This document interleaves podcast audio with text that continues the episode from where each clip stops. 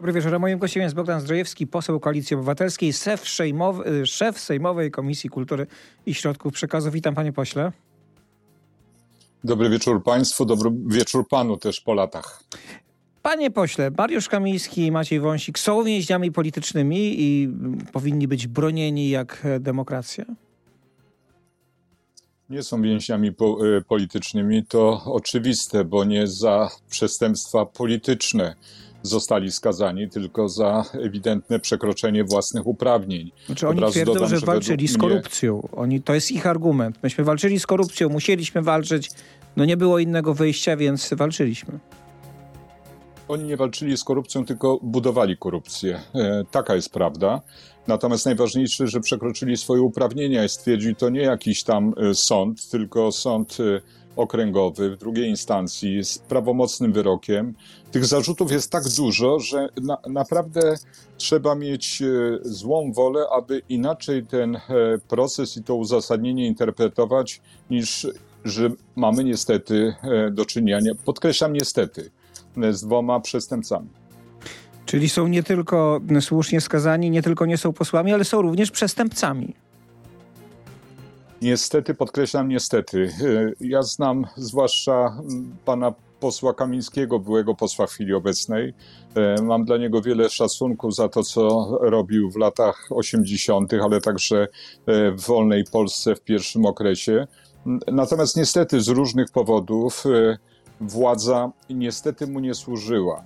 On tą władzę wykorzystywał w niewłaściwy sposób, w niewłaściwym kierunku, starając się być może, nie chcę wchodzić w intencje, e, ścigać przestępców, ale krótko, mu się, krótko mówiąc, mu się nie tylko to nie udało, ale po drodze złamał tyle przepisów, rozmaite procedury, że de facto stał się tym, kim jest w chwili obecnej, czyli osądzonym przez sąd okręgowy prawomocnym wyrokiem sądu. Głodówka, jego głodówka to jest akt czego? Pan go zna osobiście. Co on chce zamanifestować?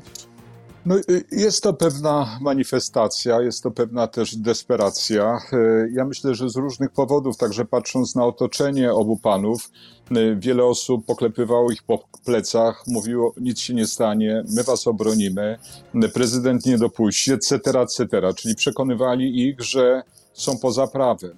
Nikt nie może być poza prawem, także oni. W związku z tym dla nich prawdopodobnie ten, to, co się stało, jest poważnym szokiem. W związku z tym zachowania mogą być bardzo rozmaite. E, I ubolewam nad tym niestety. Zna pan e, ministra Kamińskiego, byłego ministra. On rzeczywiście będzie głodował do momentu, kiedy nie wyjdzie?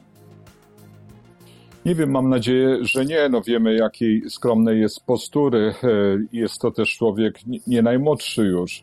Mm, każda taka akcja powoduje też uszczerbek na zdrowiu. Nikt mu nie życzy pogorszenia stanu zdrowia, w związku z tym liczymy na to, że oczywiście ta głodówka będzie incydentalna, będzie takim aktem protestu, ale nie będzie trwała długo. Jak się panu podoba wypowiedź mini, wiceminister sprawiedliwości, która mówi, każdy ma prawo nie jeść i nie pić, na tym polega prawo do wolności osobistej, każdy może o tym decydować. Pani Maria Eichhardt tak właśnie powiedziała na temat Mariusza Kamińskiego. No z jednej strony jest to prawda, że każdy ma prawo jeść albo nie jeść, albo Ale jeść, czy rzeczywiście wiceminister sprawiedliwości powinien takie rzeczy mówić w odniesieniu do osoby skazanej, no, która powinna być także pod opieką ministra, o tak bym powiedział? Generalnie mogę powiedzieć, że jest to wypowiedź niefortunna.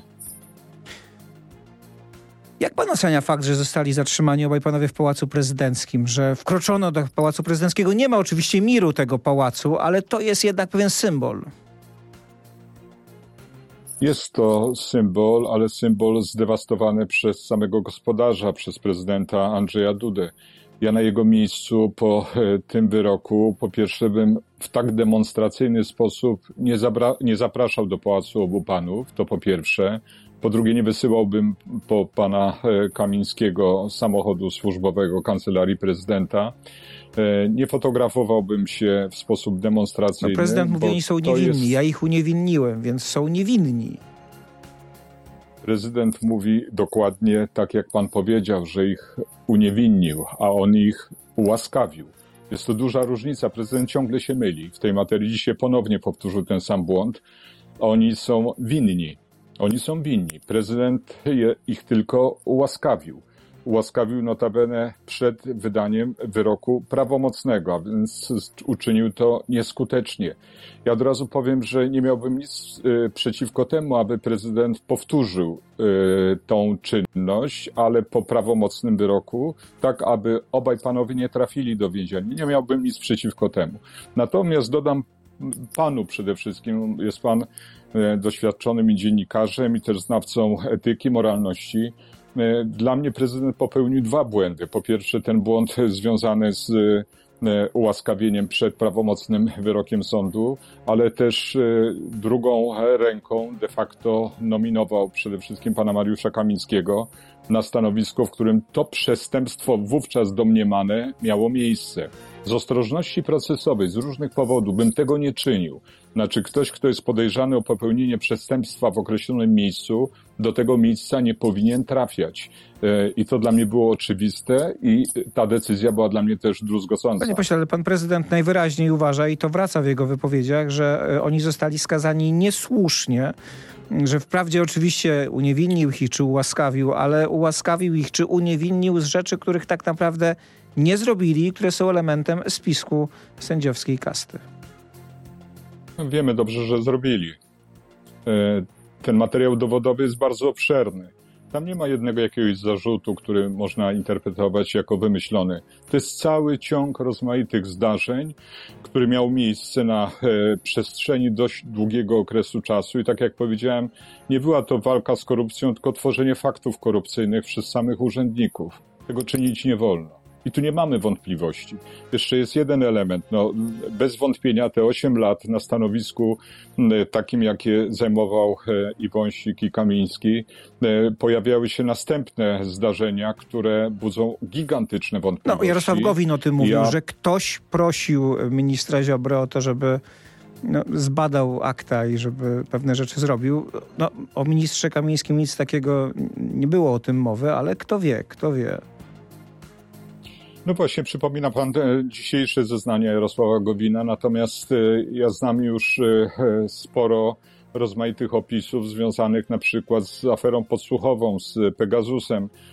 Tam również mamy do czynienia z takimi działaniami, które budzą na tym etapie, powiedzmy, powiem, budzą wątpliwości, bo nie chcę niczego przesądzać, jestem w tej materii niezwykle e, ostrożny ale ja przewiduję, że Mariusz Kamiński będzie miał dalsze kłopoty, dlatego że niestety, tak jak powiedziałem wcześniej, prezydent powierzając czy dając szansę pełnienia mu przez niego funkcji tak wysoko usytuowanej w tym aparacie władzy, w którym to przestępstwo poprzednie było popełnione. Będą następne procesy, pana zdaniem? Według mojej oceny należy się spodziewać następnych, na pewno następnych zarzutów, a więc e, procesów. Z jakim skutkiem nie wiem. E, nie chcę tego rozstrzygać, za mało mam wiedzę w tej materii, ale jestem przekonany z e, tego materiału, który był przedstawiany także na Senackiej Komisji do Spraw Pegasusa, że mogą pojawić się następne zarzuty. Bogdan Strojewski, e, poseł Koalicji Obywatelskiej, szef Sejmowej Komisji Kultury i Środków Przekazu jest gościem, był gościem radia RMFFM. My się już żegnamy ze słuchaczami radia RMFFM, ale pozostajemy w radiu RMF24 na stronie rmf24.pl i w naszych mediach społecznościowych. Tu będę pytał między innymi o dużą ustawę medialną, ale także o dzisiejszą decyzję sądu rejestrowego. A ja przypomnę, naszym gościem jest Bogdan Zdrojewski. E, panie pośle, no można powiedzieć e, zmiany w TVP zaczęły się bezprawnie. Przynajmniej tak twierdzi e, sąd mm, rejestrowy. Od razu powiedzmy, żeby nie było wątpliwości, że jest to decyzja nieprawomocna. Można się od niej odwołać. Trzeba też pamiętać, jak działa sąd rejestrowy i że on e, swoją decyzją dzisiejszą nie stwierdził nieważności uchwał zgromadzenia akcjonariuszy, a one generalnie rzecz biorąc są najważniejsze dla funkcjonowania mediów. Ja jestem oczywiście zaniepokojony tą decyzją, bo e, oczywiście ona powoduje, e, że ci, którzy stwarzali taką e, opinię, budowali taką opinię, że te działania są niezgodne z prawem, dostali dodatkowe paliwo i to paliwo będzie wykorzystane. Natomiast dwie rzeczy trzeba wyjaśnić słuchaczom. Otóż e, to życzenie dzisiejsze zawiera dwa bardzo ważne zdania. Pierwsze zdanie, że generalnie rzecz biorąc, Trybunał Konstytucyjny w 2016 roku słusznie zwrócił uwagę na to, że przekazanie kompetencji z Krajowej Rady Radiofonii i Telewizji do Rady Mediów Narodowych było niewłaściwe. E, wczoraj prowadziłem Komisję Kultury, wielokrotnie powtarzano, że takiego orzeczenia nie było, że takiej decyzji, takiej opinii to nie wyrażono. No, przyznał, sąd... rzeczywiście ale też przyznał, tak. że nie można było tego zrobić w taki sposób, jaki zostało to zrobione. Tak, decyzja nie jest prawomocna, będzie zaskarżona. Nie neguję, nie neguję tego, czyli zwrócił uwagę, że mamy do czynienia z bajzlem prawnym, przepraszam za słowo, ale to po rodzicach trochę z, z Lwowa stwierdził, że mamy do czynienia z no, bałaganem e, w, takim, e, e, w takich przepisach prawa, które dotyczą nie tylko zresztą mediów, ale ten kontekst formalno-prawny jest zdewastowany. W związku z tym y, nie wiemy, y, jak to powinno wyglądać, bo jest ustawa, której nie powinno być, Rada Mediów Narodowych i z drugiej strony Krajowa Rada Radiofonii i Telewizji, która ma kompetencje zgodnie z artykułem zapisanym w Konstytucji. On tak dokładnie brzmi, jak go zapamiętałem, w sprawach indywidualnych, że Krajowa Rada Radiofonii i Telewizji ma kompetencje w zakresie spraw indywidualnych, nie wymienia je, no, ale, ale tak to brzmi. Y, I w związku z tym, tym całym bałaganem, z tego bałaganu nie należy domniemywać, że ta kompetencja należy do jednego z ministrów. Tak to jest e, sformułowane i odmawia. No dobrze, Natomiast ale panie, panie pośle, tak jeśli jest bałagan, to lekarstwem na bałagan, jak się zdaje, nie jest jeszcze pogłębianie bałaganu. To jest taki wniosek, który możemy wywnioskować z, tego, mm, z tej decyzji dzisiejszej. Podzielam pana opinię. No to teraz pytanie, co dalej? To znaczy, czy prezydent Duda wetując około ustawę około budżetową nie pomógł trochę ministrowi Sienkiewiczowi w uniknięciu ewentualnych zarzutów o bałagan? Ponownie się z panem zgadzam. No to teraz czekamy w napięciu, rozumiem, na kolejne decyzje, czyli na temat e, decyzji sądu w sprawie drugiego kroku o likwidacji, bo taki, taka decyzja też będzie zapadać. No tu już mamy e, pierwsze decyzje. Oczywiście wszyscy wiemy o tym katowickim, e, e, który tak. zgodził się, krótko mówiąc, z zarejestrowaniem likwidatora. E, nie mamy w Polsce prawa procesowego, więc można e, domniemać, że mogą być decyzje, które będą kontynuacją tej decyzji, e, ale że mogą być wyjątki w tej materii. Tak jak powiedziałem, stan prawny, z którym mierzymy się dzisiaj, nie należy do luksusowych, jeżeli chodzi o jakość prawa, z którym mierzymy się po tych ośmiu latach rządów PiSu. Natomiast generalnie rzecz biorąc, słusznie pan zwrócił uwagę, że no ta decyzja prezydenta Andrzeja Dudy była kuriozalna, ale no de facto pomocna. No, nie należy tego e, e, ukrywać. E, dlaczego pomocna? No bo prezydent bez mrugnięcia okiem akceptował gigantyczne środki finansowe dla mediów publicznych przez lata poprzednie. Były to na podobnym poziomie 2,3-2,7 mm, miliarda e, rocznie, wtedy kiedy telewizja nie spełniała podstawowych warunków, e, które powinny spełniać media publiczne i nie było to dla niego przeszkodą. I nagle, ni stąd, ni zowąd, wtedy kiedy przechodzimy e, rok 2023 na 2024, przypomnę, że Krajowa Rada Radiofonii i Telewizji podejmuje decyzję o podziale środków finansowych najczęściej we wrześniu wrześniu poprzedniego roku, mówi nie. E, nie wolno przekazać środków e, telewizji publicznej. Wetuje i dzięki temu możecie postawić, postawić spółki w stan upadłości, ale pytanie, jak one mają działać, jeśli będą funkcjonować w stanie upadłości? Jak zatrudniać nowych pracowników, jak podpisywać długofalowe kontrakty, jak dogadywać się mm, z ludźmi? To w stanie upadłości wcale nie jest proste prawnie, o tak powiem łagodnie.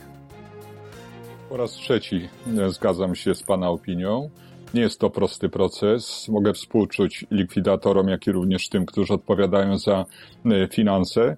Będzie to proces, który będzie musiał być maksymalnie skrócony. Ja przewiduję, że on nie powinien trwać więcej niż kilka miesięcy, maksimum do końca tego roku, bo y, jeżeli ten proces miałby trwać 3 czy 4 lata, byłby bardzo kosztowny. Tak przebiegają likwidacje, jak pan powiedział, czyli y, utrudniają zawieranie kontraktów, y, utrudniają zakupy, utrudniają funkcjonowanie szeregowych pracowników, którzy funkcjonując w firmie w stanie likwidacji nie mogą zaciągać kredytów, bo ich umowy nie są trwałe. Więc ten proces musi być maksymalnie skrócony natomiast jego celem jest e, naprawa mediów no publicznych. Proces musi być maksymalnie jest... skrócony, ale to oznacza, rozumiem, konieczność nowej ustawy, dużej ustawy medialnej, nad którą pan zresztą pracuje.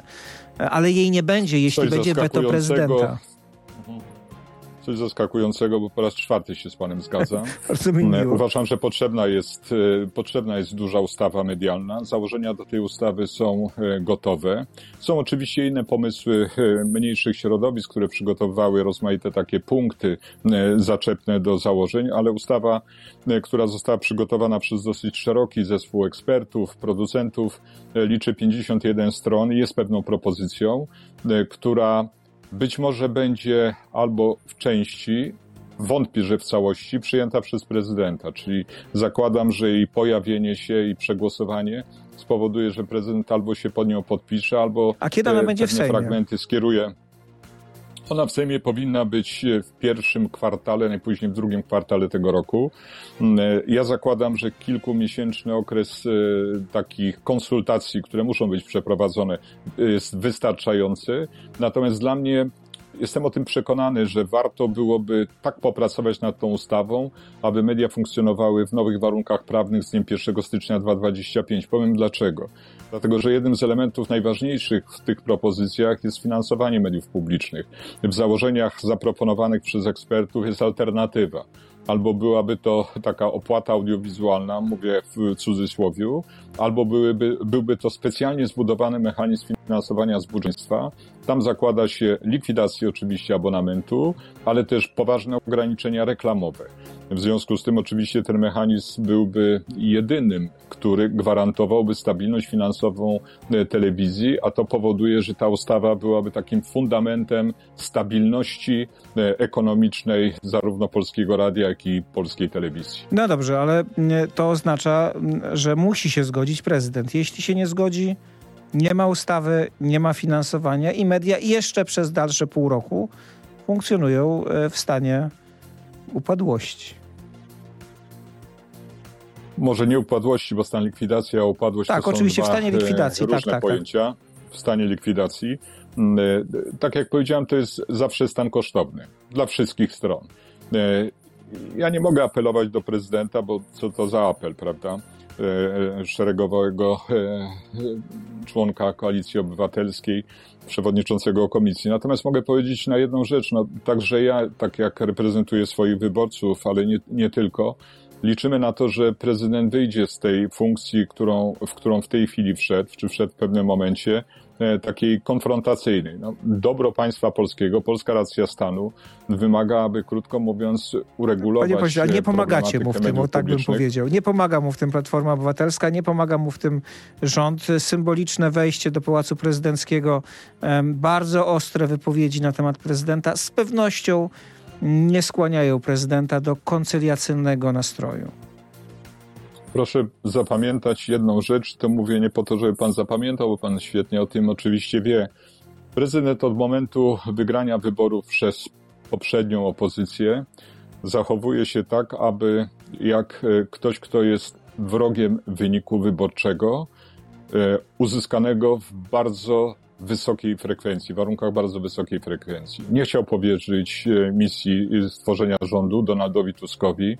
Przeciągnął e, procedurę do absolutnie maksymalnego terminu. Panie pośle, to prawda, ale to równocześnie się... wszystko służyło poniekąd także um, nowej koalicji, bo premier Morawiecki, no przez dwa tygodnie się kompromitował. E, później prezydent zawetował ustawę okołobudżetową i dzięki temu można było postawić media publiczne w stan likwidacji. Więc można powiedzieć, nawet jeśli chce inaczej, to wychodzi tak, jak wychodzi. Więc choćby z tego powodu warto się z nim dogadywać. Kolejny raz się z panem zgadzam, że Mateusz Morawiecki się kompromitował. E, rzeczywiście, ale kompromitował się kosztem państwa polskiego. Proszę zwrócić uwagę, że my mamy w chwili obecnej dwa tygodnie de facto na uchwalenie budżetu. Gdyby misja stworzenia rządu była przekazana Donaldowi Tuskowi, mielibyśmy czas na porządnie wykonaną pracę w normalnych warunkach, z szansami na konsultacje, z szansami na korekty. Natomiast e, te, ten czas straciliśmy. No to teraz I to pytanie, też jest koszt. Pytanie, czy wyobraża pan sobie taki scenariusz? On się pojawia. Pojawia się także w wypowiedziach posłów Prawa i Sprawiedliwości, że prezydent nie uzna, już nie uznał pozbawienia Mariusza Kamińskiego i Macieja Wąsika i e, mandatów poselskich. W związku z tym uzna, że głosowania bez nich nad budżetem były nieważne i w efekcie będzie mógł powiedzieć, nie ma budżetu, no to rozpisujemy nowe wybory. W ciągu ostatnich 30 paru lat e, mieliśmy wielokrotnie sytuację, że brakowało posłów, bo albo zmarli, albo przechodzili na inne stanowiska, albo wędrowali e, do innych ról e, i wszystkie decyzje Sejmu były ważne. Nie ma żadnego powodu, aby uznać, że teraz miałoby być inaczej. Panie Oczywiście pośle, to jest założenie, i... że jest, żyjemy w, w racjonalnej analizie politycznej, ale jeśli Wąsik i Kamiński są więźniami politycznymi, jeśli niesłusznie wygaszono im mm, mandaty, a przypomnę, że Izby Sądu Najwyższego wypowiedziały się różnie w tej kwestii, no to sytuacja i tak ją analizują politycy PiSu, nie jest zwyczajna. Tak, ale to jest tylko analiza e, zwolenników e, e PiSu i samych e, członków PiSu. Natomiast no, wysłuchałem bardzo precyzyjnie e, opinii pana e, Hermelińskiego, on wyraźnie stwierdził, że nie ma żadnego, najmniejszego, nawet wątpliwości, nawet, cienia wątpliwości, że bez tych e, dwóch byłych posłów Sejm posiada wszystkie kompetencje, by uchwalić budżet i by on nie był kwestionowany, żeby ta decyzja nie była kwestionowana. No możemy wrócić do sytuacji sprzed ośmiu lat, warunków uchwalania budżetu w sali kolumnowej przez E, poprzedni obóz, e, no była sytuacja taka, że nie mamy pewności nawet, czy kworum było. A sędzia, który stwierdzał, że mieliśmy do czynienia z poważnymi nadużyciami, był przedmiotem rozmaitych retorsji, represji wręcz. No o nim można powiedzieć, Ale że wtedy nie było sporu na linii rząd-prezydent. Dokładnie tak. W związku z tym warto to przypomnieć prezydentowi, że prezydent powinien działać na rzecz pokoju, na rzecz e, niwelacji konfliktów, na rzecz zgody narodowej, a nie po to, aby tą wojnę podtrzymywać, czy też w dodatku jątrzyć. E, ja wierzę, żeby nie było wątpliwości, ja wierzę, że prezydent może zmienić zdanie. E, może poczuć, że ten ostatni rok jego kadencji musi być znaczący, jeżeli chodzi o odwrócenie opinii o nim, że zdecyduje się jednak na, na pewien dialog. Natomiast w chwili obecnej jesteśmy w stanie absolutnego przesilenia. Jutrzejsza e, demonstracja będzie takim elementem przesilenia. Te posiedzenie Sejmu, które będzie się odbywać e, w przyszłym tygodniu, zapowiedzi ze strony pojedynczych e, posłów PiSu, że będzie dewastacja, aby nie dopuścić do uchwalenia budżetu będziemy mieli takie dwa tygodnie takiego I potem się uspokoi? takiego przesilenia politycznego. Y, może się nie uspokoi, ale y, powinniśmy y, raczej uzyskać szansę na to, aby, krótko mówiąc, dialog jakiś się pojawił, aby ci mądrzy, którzy powinni decydować o tym dialogu, rzeczywiście ten dialog, nawet jak będzie pozorowany, ale żeby się zaczął. No mamy niestety przed sobą jeszcze wybory samorządowe. One będą przedmiotem też e, bardzo poważnych napięć, jestem o tym przekonany. Wybory europejskie, potem wybory a potem europejskie. prezydenckie, więc ja nie widzę powodu, żeby logika sporu miała zniknąć. Ona napędza główne siły polityczne w Polsce. Przez wiele lat byłem socjologiem, uprawiałem też psychosocjologię i wiem, że e, taki pik i takie napięcie nie może trwać e, zbyt długo, że ono, ono przechodzi przez pewne fale, bo następuje zmęczenie materiału. Myślę tu nie tyle o działaczach e, PiSu, ile o, o wyborcach. Więc pod, I o odbiorcach ma pan rację także. Kolejny raz, jakiś dziwny dzień dzisiaj. Bardzo dziękuję. Bogdan Zdrojewski, poseł Koalicji Obywatelskiej, szef Sejmowej Komisji Kultury i Przekazu. zdrowego nowego roku przy okazji. Bardzo dziękuję, dziękuję również.